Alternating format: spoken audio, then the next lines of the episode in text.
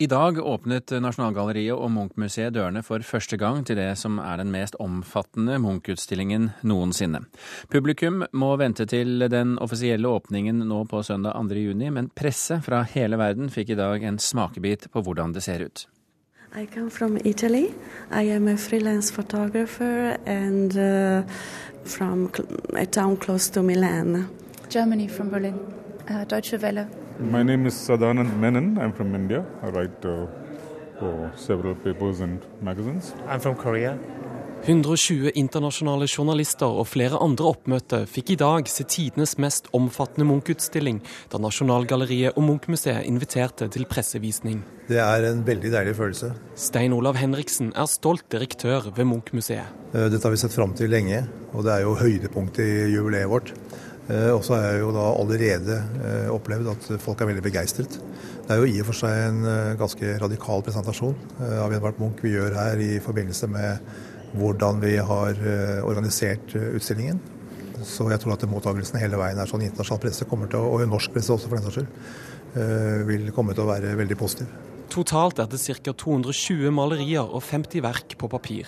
Utstillingen åpner dørene for publikum kommende søndag, og interessen for Munch er stor i Tyskland, forteller journalist Lydia Ranka. Because, um, going kind of uh, in introvert or working with your emotions, being inside your head, a little, I don't know, uh, dark feelings. Uh, there's a, the German angst, I don't know, not being so so happy all the time. That's also something I would say is a little German. Museenes kuratorer forteller om bildene på norsk, engelsk og tysk.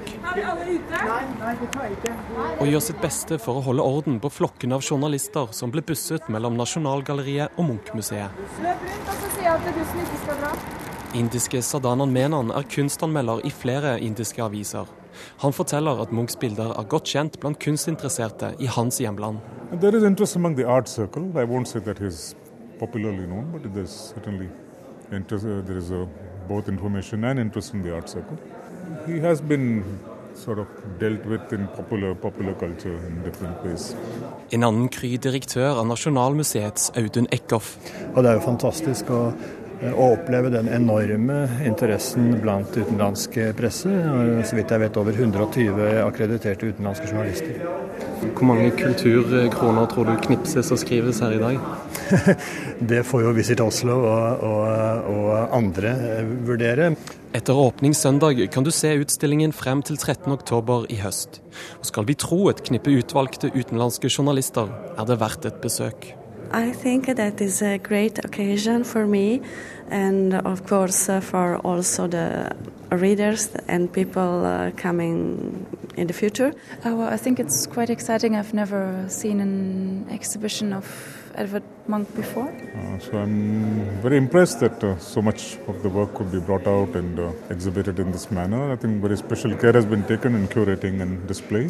Det vil si kanskje utenom en journalist fra Sør-Korea som er noe misfornøyd. Oh.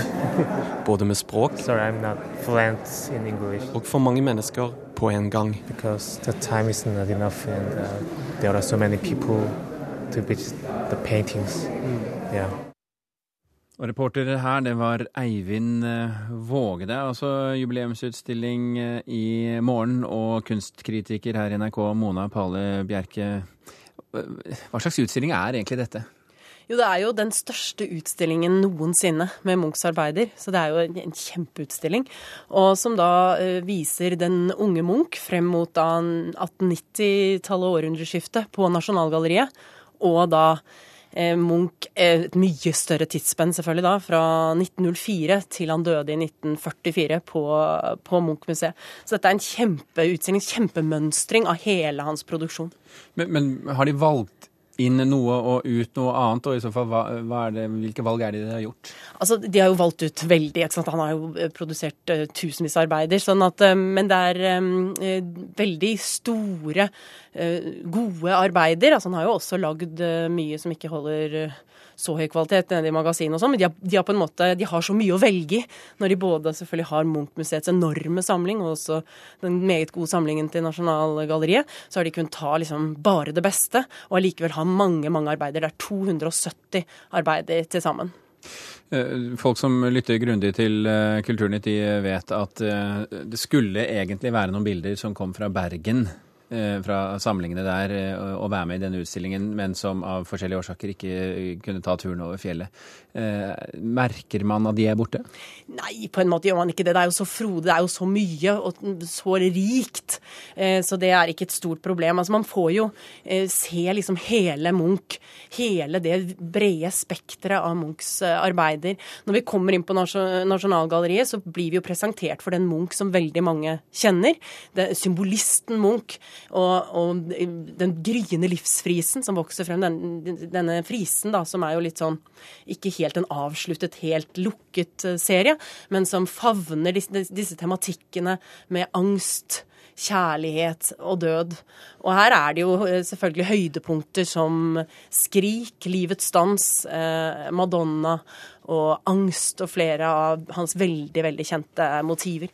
På Munch-museet så er det jo eh, fra etter århundreskiftet, og der er det jo et veldig omsving i Munchs uttrykk, faktisk, hvor han går fra det dunkle, litt mørke til et veldig lyst og fargesprakende, livsbejaende uttrykk. Han maler badende mennesker i strålende solskinn, bonden som pløyer jorden. Og her er også høydepunkter. Galopperende hest hvor vi ser liksom denne hesten. Det er veldig sånn sentralperspektiv perspektiv. Han bruker også de komplementære fargene veldig aktivt, som grønn mot rødt. Og også i denne gule tømmerstokken som mange kjenner til. Med det gule, gullgule tømmerstokken som går innover i skogen, og så mot de fiolette trestammene. Men, men, men, når det er så mye Munch på en gang, blir, man, blir det ikke litt sånn at det ene slår det andre i hjel? Absolutt ikke. Og det er jo en sånn uh, kuratoriell utfordring. Jeg syns uh, jo de har løst dette veldig, veldig godt. Det er kjempekrevende. Man kunne selvfølgelig risikere det. Og det er også vanskelig å finne en måte å presentere Munch på en spenstig måte, for det er gjort så utrolig mange ganger. Og jeg må jo si jeg gikk til denne utstillingen liksom omtrent med banken i hjertet og en liten sånn tåre i øyekroken. Jeg var så høytidsstemt da jeg kom, og da var selvfølgelig fallhøyden helt enorm potensielt. Jeg, men jeg ble ikke skuffet, uh, snarere tvert imot kjempeimponert over hva de har fått til. Eh, det må jeg virkelig si. Men, men hva er det de har konkret gjort som har gjort dette så vellykket? Jo, det, det, er to grep jeg kan fremheve. og Det ene er at de har latt selvportrettet være en slags inngangsport og en rød tråd i utstillingen. Og det er veldig egnet. Dels fordi de da aksentuerer en veldig viktig sjanger hos Munch, men også fordi at de da setter an tonen for dette dypt subjektive og også selvutleverende som er så karakteristisk for Munchs eh, prosjekt. Og så I tillegg så har de gjort noe som egentlig er ganske dristig. De har malt veggene i veldig sterke farger. Det er jo veldig vanlig å ha liksom en dempet grønn og en dempet rød og sånn på museer, men dette er skikkelig skikkelig signalrødt. Nesten sjokkartet når du kommer inn i rommet. og Det er ikke mange kunstnere som kunne bære det. Nei, men hva men, gjør det med kunsten, da? Det gjør jo at liksom, når vi kommer inn i dette knall alarmrøde rommet, så appellerer jo den rødfargen rett til følelsene våre. Litt sånn uh, i alarmberedskap, nesten. Og der i det rommet så finner vi arbeider som pubertet, som dagen derpå, som viser en kvinne med hangover, og et veldig brutalt og heftig bilde som arv, som viser en gråtende kvinne med et døende spedbarn på fanget. Og disse sterke, litt sånn tabubelagte temaene som man tar opp her i tiden, de er jo kjempeflott rammet inne av denne knall røde fargen, syns jeg. Det er modig, med andre ord? Det er veldig modig, og det fungerer veldig bra. Men det er jo også fordi de har valgt arbeider som kan bære den enkelte fargen. Gressgrønn, knall oransje osv. En uh, utstilling vår kunstner verdig? Absolutt. Tusen hjertelig takk, Mona Pale Bjerke. Og så kan vi jo ta med at det nå er bekreftet at det er den amerikanske investoren og kunstsamleren Leon Black som kjøpte Skrik for rundt 700 millioner kroner i New York i fjor. Det har lenge vært spekulert i om det er Black som er kjøperen, men han har foreløpig ikke villet innrømme det offentlig. Men nå bekrefter imidlertid Munch-museets direktør Stein Olav Henriksen overfor Aftenposten at Black er den nye eieren av det berømte bildet. Investoren fortalte Henriksen om kjøpet under en utstilling i New York York i april, sies det.